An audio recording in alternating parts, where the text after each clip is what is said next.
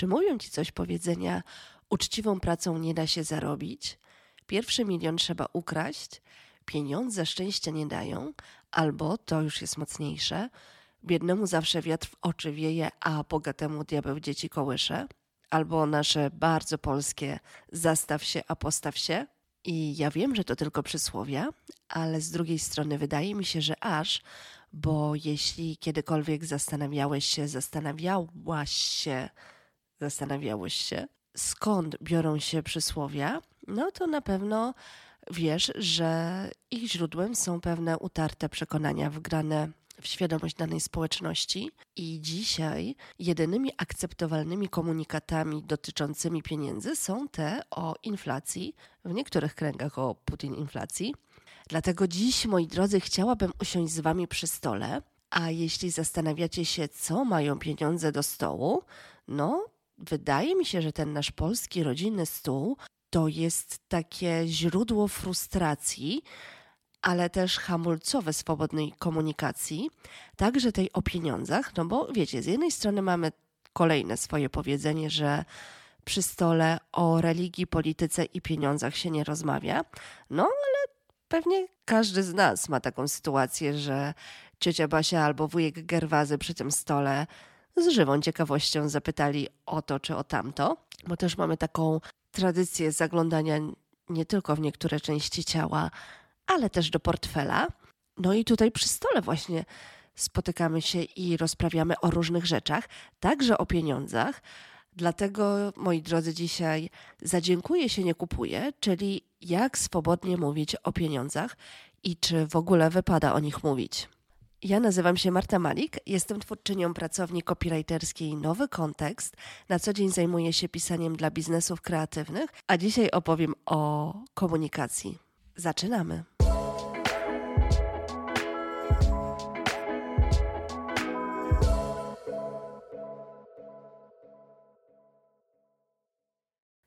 Dzień dobry, cześć. Witam Was w czwartym odcinku mojego podcastu Nowy Kontekst. A dziś o co chodzi z tymi pieniędzmi? No wiecie, że nie wypada, albo że jak prawdziwe wartości, to na pewno jak najdalej od pieniędzy, bo tak już się w tej naszej polskiej mentalności utarło, że rodzina, miłość i przyjaźń, no wiecie, te prawdziwe wartości stoją na przeciwnym biegunie do pieniędzy. I ta właśnie spolaryzowana narracja, która jest e, mocno zakorzeniona e, w naszej mentalności, ona powoduje, że często dochodzi do budowania niezdrowej, a no, często nawet wstydliwej relacji z pieniędzmi, bo, no wiecie, jak to jest. Rzeczywistość zaczyna się od słowa. Oczywiście najpierw jest myśl, no ale swoich myśli nie słyszymy, a słowa już tak. Dlatego ja lubię mówić, że rzeczywistość zaczyna kreować się od słowa. No a że w tym podcaście pokazuję nowe konteksty językowe, takie zmiany, które zachodzą na przestrzeni zakodowanych od lat sposobów komunikacji, to w ostatnim czasie zauważyłam pewne drgania w tematyce pieniędzy. Szczególnie, że teraz mamy taki czas, e, w którym pieniądze odgrywają kluczową rolę i dużo się o nich mówi, właśnie w perspektywie inflacji. I zauważyłam, że w Polsce bardzo swobodnie można narzekać na drożyznę w sklepach, na to, że jest drogo, na to, że cukier znika z półek. O, na coraz wyższe raty kredytów, no bo wiadomo, że wszystkim podskoczyły te raty. I budujemy tutaj taką wspólnotę, ale co ze swobodnym wypowiadaniem tego, że dobrze nam idzie, tego, że cieszymy się z tego, ile zarabiamy, że lubimy swoją pracę, czy, czy to wypada, szczególnie w perspektywie dzisiejszych trudnych czasów? No bo wiecie, przeanalizowałam sobie na potrzeby dzisiejszego odcinka takie komunikaty, które wysyłamy, e, jeśli chodzi o, o, o pieniądze. I, I zauważyłam, że no, w naszym kraju właściwie niemożliwym jest dojście do bogactwa własną uczciwą pracą, bo wiecie, zawsze pojawiają się takie określenia jak układ, łapówki, koneksje, machlojki. Teraz jeszcze dużo mówi się o dzieciach sławnych rodziców, rodziców, którzy odnieśli sukces i to wiecie, zawsze jest nepotyzm, bananowe dzieci. I ja ciągle mam takie poczucie, że o ile no, nie mamy wpływu, czy te pytania będą się pojawiały, czy, czy nie przy naszym rodzinnym stole, to mamy wpływ na to, jak odpowiemy na te pytania.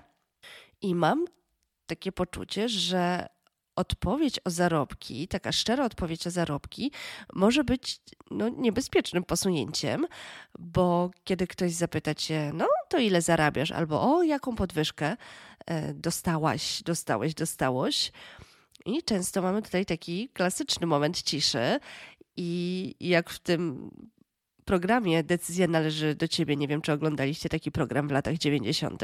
Tak mi się wydaje, że to były lata 90 na pewno byłam wtedy w szkole podstawowej, to w głowie powstają różne scenariusze, no odpowiedzieć czy nie odpowiedzieć, jak odpowiedzieć, no bo wiecie, no, może być to po pierwsze próba oceny naszej osoby w oparciu o wysokość pensji, a wiecie, to jest jak w piosence Kai, potem pojawiają się różne odnogi od tej odpowiedzi, no bo on mi powiedział, że ktoś mi powiedział i potem to się niesie w świat. Albo, no może ta nasza ciocia Basia albo wujek Gerwazy mają znajomych ze skarbówki i Boże broń ściągniemy na siebie kontrolę, albo zwyczajnie wstydzimy się przyznać do prawdziwej kwoty, no bo z jednej strony, jeżeli będzie za duża, to trafimy do, do takiego standardowego naszego worka razem z prywaciarzem i kombinatorem, no ale ona może być też zbyt niska niż to, co sobie wujek czy ciocia wyobrażają. No i wtedy to już w ogóle pojawią się opinie, że nas na coś nie stać, albo że nam się w życiu nie udało. No, to jest taki twardy orzech do zgryzienia, ale dochodzi też do tego taka no, zwyczajna zazdrość no bo wiecie, może sprawiamy takie wrażenie, że ciągle jesteśmy na wakacjach albo że mało pracujemy. Jak to możliwe, że nam się udało? Nie wiem, czy pamiętacie modlitwę z Dnia Świra. No to mi się tutaj taka lampka e, zapala. No więc jak odpowiadać na te pytania o pieniądzach? I tutaj moja odpowiedź brzmi, że szczerze, swobodnie. I czy podanie kwoty jest e, dobrym rozwiązaniem? Nie wiem. Wydaje mi się, że e, rozmawianie o kwotach i przy rodzinnym stole nie jest fajne. Ja mam takie formuły, które pozwalają mi odpowiedzieć szczerze i otwarcie na to pytanie, nie wprawiając cioci w zakłopotanie, czy nie odchodząc od stołu, mówiąc, że coś mi się chyba przypala i muszę teraz y, zdjąć garnek z, og z ognia. I ja w takich przypadkach mówię, że zarabiam wystarczająco, albo zarabiam tyle, żeby mieć na wygodne życie, podróże i jeszcze, żeby coś sobie odłożyć. Także no, w tych sytuacjach prywatnych radziłabym nie odpowiadać szczerze, nie, nie rzucać kwotami, dlatego że, no, tak jak powiedziałam, ktoś mi powiedział, że tamten powiedział, lepiej nie. No chyba, że te pytania rzeczywiście nie wprawiają was e, w zakłopotanie i, no, i możecie swobodnie odpowiedzieć i nie macie i nie macie tak, że wprawia w was to jakieś szczególne zakłopotanie, no to rzeczywiście można otwarcie i bez barier, tak wiecie, niezbyt nachalnie, bez chwalenia się e, na to odpowiedzieć. No ale mimo, że ja tutaj dyskutuję o nowych kontekstach językowych, to mimo wszystko uważam, że przy stole rodzinnym nie wypada i nie powinno się e, zaglądać nikomu do portfela. Zawsze można zapytać o szczegóły pracy. Jeżeli ktoś z naszej rodziny zmienił tę pracę, no to właśnie e, zapytać, jakie są nowe obowiązki, czym się zajmuje, e, co się zmieniło w, w życiu tej osoby. Ale tak stricte pytać, ile zarabiasz w sytuacji rodzinnej, no to nie jest zbyt fajne pytanie. Natomiast no, potem odchodzimy od tego stołu i znajdujemy się w wielu innych sytuacjach, no, na przykład profesjonalnych, biznesowych.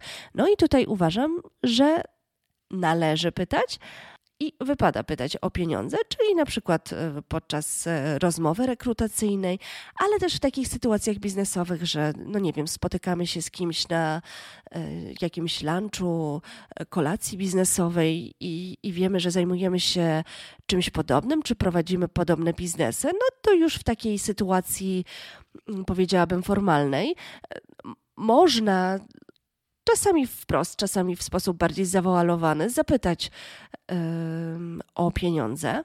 Szczególnie jeśli wytworzymy taką bezpieczną przestrzeń do rozmowy i tę drugą osobę rozkodujemy jako otwartą na tego typu kwestie. No bo wiecie, jak w każdej rozmowie, dobrze być żyrafą, a nie szakalem, jeśli pamiętacie trzeci odcinek podcastu. I warto zwracać uwagę na granice tej drugiej osoby, a wydaje mi się, że są pewne takie metatekstowe informacje przekazywane wcześniej, które podpowiedzą nam, czy można, czy nie można. I też pamiętajmy, że jest duża różnica między rzucaniem kwot, jeżeli to my będziemy zapytani, by wzbudzić wokół siebie zainteresowanie, a pomiędzy udzieleniem rady biznesowej, kiedy na przykład zostaniemy zapytani e, przez mniej doświadczoną e, biznesowo osobę, ale ja też na potrzeby tego odcinka poczytałam sobie różne raporty, stan naszej polskiej mentalności, jeśli chodzi o pytanie o zarobki w sytuacji rozmowy kwalifikacyjnej. No i tak naprawdę bardzo zdziwiło mnie to, że mamy jako społeczeństwo bardzo duży problem z pytaniem o konkretne kwoty podczas rozmowy kwalifikacyjnej.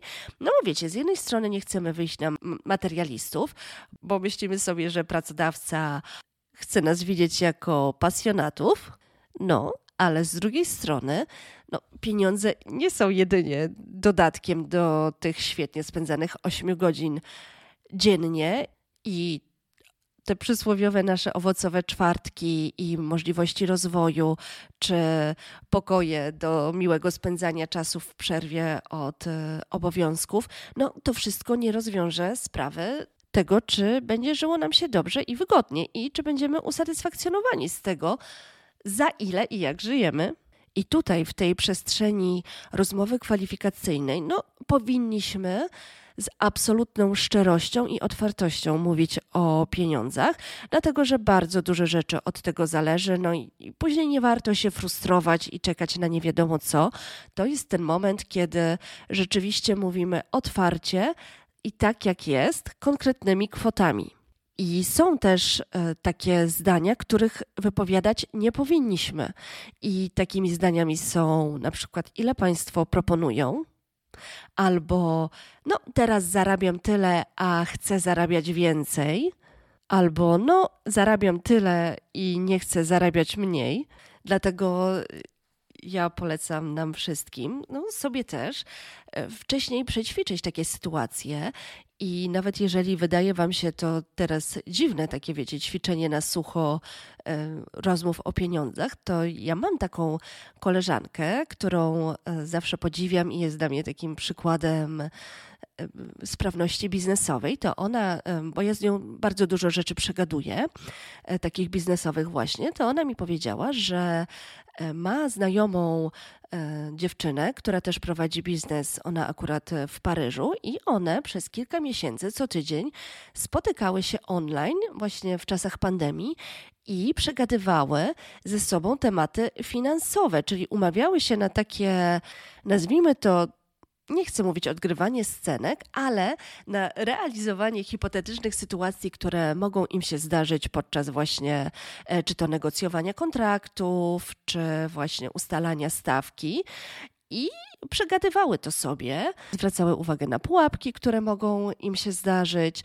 No i teraz ja jeżeli mam jakąś taką sytuację, z którą trudno mi sobie poradzić, właśnie e, z pieniędzmi w tle, to właśnie dzwonię do tej mojej koleżanki i pytam, co ona by zrobiła. No i ona wtedy mi mówi: No, Marta, masz super pozycję negocjacyjną, zrób to i to, bo, no wiecie, no, mimo że ja się zajmuję komunikacją na co dzień, to trudno czasem odnieść do siebie, kiedy mamy, wiecie, jeszcze aspekt emocjonalny, e, pewne swoje własne blokady wyniesione z przeszłości, no to trudno sobie e, tę perspektywę profesjonalną przełożyć na własne życie, no to jest tak jak w kolejnym przysłowiu, że szef bez butów wchodzi, to rzeczywiście ja też czasami lubię się radzić e, w przegadywaniu tematów finansowych. A wracając do tej sytuacji rekrutacyjnej, no to tak jak powiedziałam, to jest ten moment, kiedy o pieniądzach mówimy z rozbrajającą szczerością.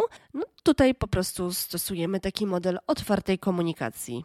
Dzisiaj szczęśliwie z pomocą przychodzą nam e, widełki, które e, pracodawca często już w ogłoszeniu rekrutacyjnym podaje.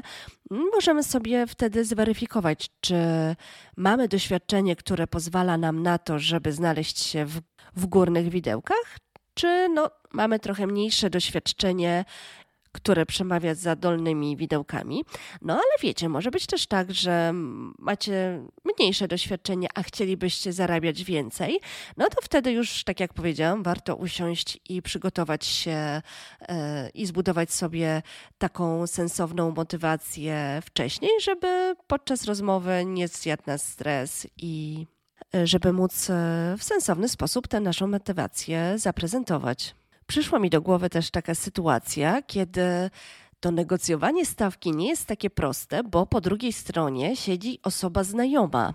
No i wtedy wiecie, no, rozważamy tak sytuację, co możemy powiedzieć, czy ten ktoś nie przestanie nas lubić, czy nie zmieni o nas zdania. No i to, co powiem, może nie być zbyt wygodne, ale uważam, że jeżeli wchodzimy ze znajomym w taką relację biznesową, no to mimo wszystko warto ją e, od razu na samym początku wyczyścić, powiedzieć, że wiem, że prywatnie się znamy, lubimy się. Dziękuję za zaufanie, którym mnie obdarzasz. Nasza znajomość sprawia, że do tego zlecenia przyłożę się z najwyższą starannością moje stawki są takie i takie, czy ci to odpowiada? No i zobaczcie, że na dzień dobry mamy taką czystą i szczerą, otwartą sytuację, która daje nam wyjście do kolejnych rozmów. Ja zresztą jakiś czas temu y, miałam tak, taką sytuację biznesową. Przez y, niemal rok pisałam teksty dla mentorki biznesowej i myśmy przez y, ten rok no, dosyć taką dobrą relację złapały spotkałyśmy się kilka razy na kawę. Nasze relacje e, stały się bardzo takie ciepłe, serdeczne. No i ja wiecie, pisząc te teksty przez e, niemal rok, e, bardzo zachwyciłam się tą ideą, którą prezentuje ta osoba w swojej pracy i postanowiłam skorzystać także z jej szkolenia. No i my wtedy sobie usiadłyśmy przy kawie i powiedziałyśmy szczerze, że wymieniamy się fakturami, bardzo się lubimy, szanujemy swoją pracę, no ale nasza relacja jest e, biznesowa, jest formalna i nie będziemy e, tutaj przyjmowały e, żadnych, żadnych opcji barteru. Rozliczamy się tak i tak fakturowo. I taka rozmowa właśnie przed rozpoczęciem współpracy była naprawdę super, bo ona, ona po prostu no, świetnie ustawiła nam przestrzeń do dalszej współpracy i postawiła sprawę jasno. I tak naprawdę taka główna myśl, którą chcę przekazać w dzisiejszej audycji, jest taka, że otwarte mówienie o pieniądzach, takie bardzo swobodne, nie dość, że daje nam poczucie kontroli i taką satysfakcję, że panujemy nad sytuacją i ona wygląda tak, jakbyśmy chcieli, no to z drugiej strony uważam, że ten brak otwartego i szczerego dialogu będzie rodził niepotrzebne napięcia i wpływał na pogorszenie relacji, także tych biznesowych ale też prywatnych. I tutaj też nasuwa mi się taka sytuacja jak prośba o zwrot pożyczki. To jest taki, taka trudna sytuacja, kiedy y, rzeczywiście no, nie do końca wiadomo, jak się zachować i jak o ten zwrot pożyczki poprosić, szczególnie jeśli z osobą, która od nas pożyczyła i nie oddaje, jest ktoś zaprzyjaźniony albo z kim utrzymujemy bliskie relacje bo po pierwsze boimy się urazić taką osobą, a po drugie boimy się zapewne też, no, że ktoś posądzi nas e, o to, że jesteśmy sknerami albo że mamy węża w kieszeni, albo myślimy sobie, że no ten ktoś na pewno pamięta i w końcu nam odda. Ale jeżeli następuje, zdarza się taka sytuacja, w której chcielibyście, żeby ta pożyczka została Wam zwrócona, to tu także zachęcam do otwartego dialogu i komunikacyjnie możemy świetnie tę sytuację poprowadzić, jeżeli po prostu będziemy szczerzy i otwarci. I ta szczerość i otwartość, czyli no takie zakomunikowanie wprost, może nas uchronić przed sytuacją, która bardzo często się zdarza, a której powinniśmy unikać, czyli wymyślanie powodów, dla których prosimy o zwrot pożyczki. Czyli na przykład potrzebuję zwrotu pożyczki, bo nie mam jak zapłacić za operację mojego psa. No oczywiście to hipotetyczna e, sytuacja, ale zawsze wymyślanie, podawanie powodu, dla którego ktoś ma nam zwrócić pożyczkę, nie jest dobrym rozwiązaniem. Tutaj zachęcam po prostu do szczerego, otwartego powiedzenia wprost: pożyczyłeś, pożyczyłaś, pożyczyłeś któregoś dnia ode mnie pieniądze, proszę cię o ich zwrot. Bo po pierwsze, nie musimy się nikomu tłumaczyć, dlaczego chcemy zwrotu pożyczki. Po drugie, nie powinniśmy rzecz jasna, wymyślać nieprawdziwych przyczyn. A poza tym, jeśli umówiliśmy się na zwrot w danym terminie, no to po prostu on nam się należy. I też, do czego Was namawiam, to, to ta otwartość komunikacyjna powoduje też, że w naszej głowie nie rodzą się te wszystkie potencjalnie złe intencje, bo może być tak, że ten ktoś po prostu zapomniał i po zwykłym przypomnieniu te pieniądze nam po prostu odda. I tak jak mówiłam dwa odcinki temu o prostym języku, to tak samo tutaj uważam, że proste rozwiązania są najlepsze i szczera rozmowa zawsze jest tym najlepszym rozwiązaniem. W naszym życiu może też e, pojawiać się taka sytuacja rozliczeń w grupie znajomych, czyli na przykład, nie wiem, idziemy gdzieś na jakiś obiad, albo jedziemy wspólnie na wycieczkę, albo wynajmujemy razem domek, gdzie jest nierówna ilość członków rodziny każdej z grup. No i tutaj w takich sytuacjach zawsze uważam, że ustalenie zasad, metod rozliczenia się powinno być zawsze komunikacyjnie ustawione przed danym zdarzeniem. I ostatnio, słuchajcie, byłam na urodzinach. Moja znajoma e, zaprosiła mnie do klubu na urodziny i przed tymi urodzinami stworzyła taką grupę, na której napisała, że są to urodziny typu self-service. E, pierwszy drink kupuje ona, a potem każdy już e, we własnym zakresie. No i ja uważam, że to było super, takie wiecie, ustawienie sytuacji na samym początku. My przychodziliśmy, wiedzieliśmy jak wygląda sytuacja. Nie było takich krępujących rozmów już twarzą w twarz o rozliczaniu się, więc no, ja uważam, że ta sytuacja została rozwiązana komunikacyjnie, wzorcowo.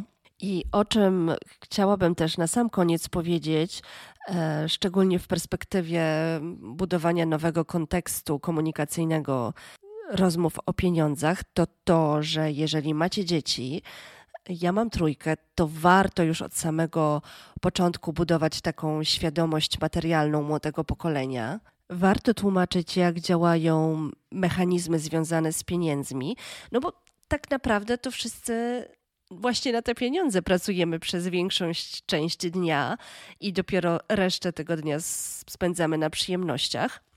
Też uważam, że budując takie, takie poczucie świadomej komunikacji w zakresie pieniędzy, mamy szansę przekazać kolejnym pokoleniom, że pieniądze nie są ani dobre, ani złe, ale że to dopiero ludzie nadają im kontekst, bo pieniądze są jedynie środkiem do osiągnięcia różnych celów i to ludzie są albo źli, albo dobrzy i to oni mają swoje własne cele do spełnienia, a pieniądze są tym narzędziem, które pozwalają nam różne cele spełniać. I dzięki swobodnym rozmowom o pieniądzach przy naszym takim mikrostole rodzinnym, budujemy pokolenie, które nie będzie miało problemów z komunikacją materialną przy tym makrostole, kiedy spotykamy się raz czy dwa razy w roku właśnie z ciocią Basią i wujkiem Gerwazem. I to pokolenie nie będzie miało problemu z wypowiadaniem swojego stanowiska i nie będzie wprowadzane w zakłopotanie, które będzie przenosiło na inne sfery swojego życia. Uważam, że zbudowanie takiej zdrowej relacji także z pieniędzmi jest bardzo ważne, no bo zabrzmi to jak truizm, ale no, pieniądze nie definiują nas jako człowieka.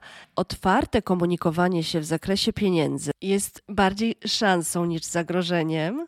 Jak powiedziałam na początku, coś zaczyna drgać w tym temacie i otwarte komunikowanie się w zakresie pieniądza przestaje już być postrzegane jako coś niewłaściwego, oczywiście w pewnych określonych sytuacjach. I być może zabrzmie tutaj jak coach, ale uważam, że naprawdę jest to przestrzeń, genialna przestrzeń do rozwoju, ale też daje nam taką możliwość do poprawienia czy zbudowania nowych relacji i takiego zdrowego układu sił, także przy tym rodzinnym stole. I uważam, że tak jak zaczęłam przysłowiem, chciałabym nim także zakończyć, że żebyśmy odstawili do lamusa to powiedzenie, że dżentelmeni i damy o pieniądzach nie rozmawiają. Jeżeli bezczelnie nie zaglądamy do cudzej kieszeni, to naprawdę nie mamy się czego wstydzić i dżentelmeni i damy potrafią rozmawiać o wszystkim. Moi drodzy, mam nadzieję, że otworzyłam w waszych głowach przestrzeń na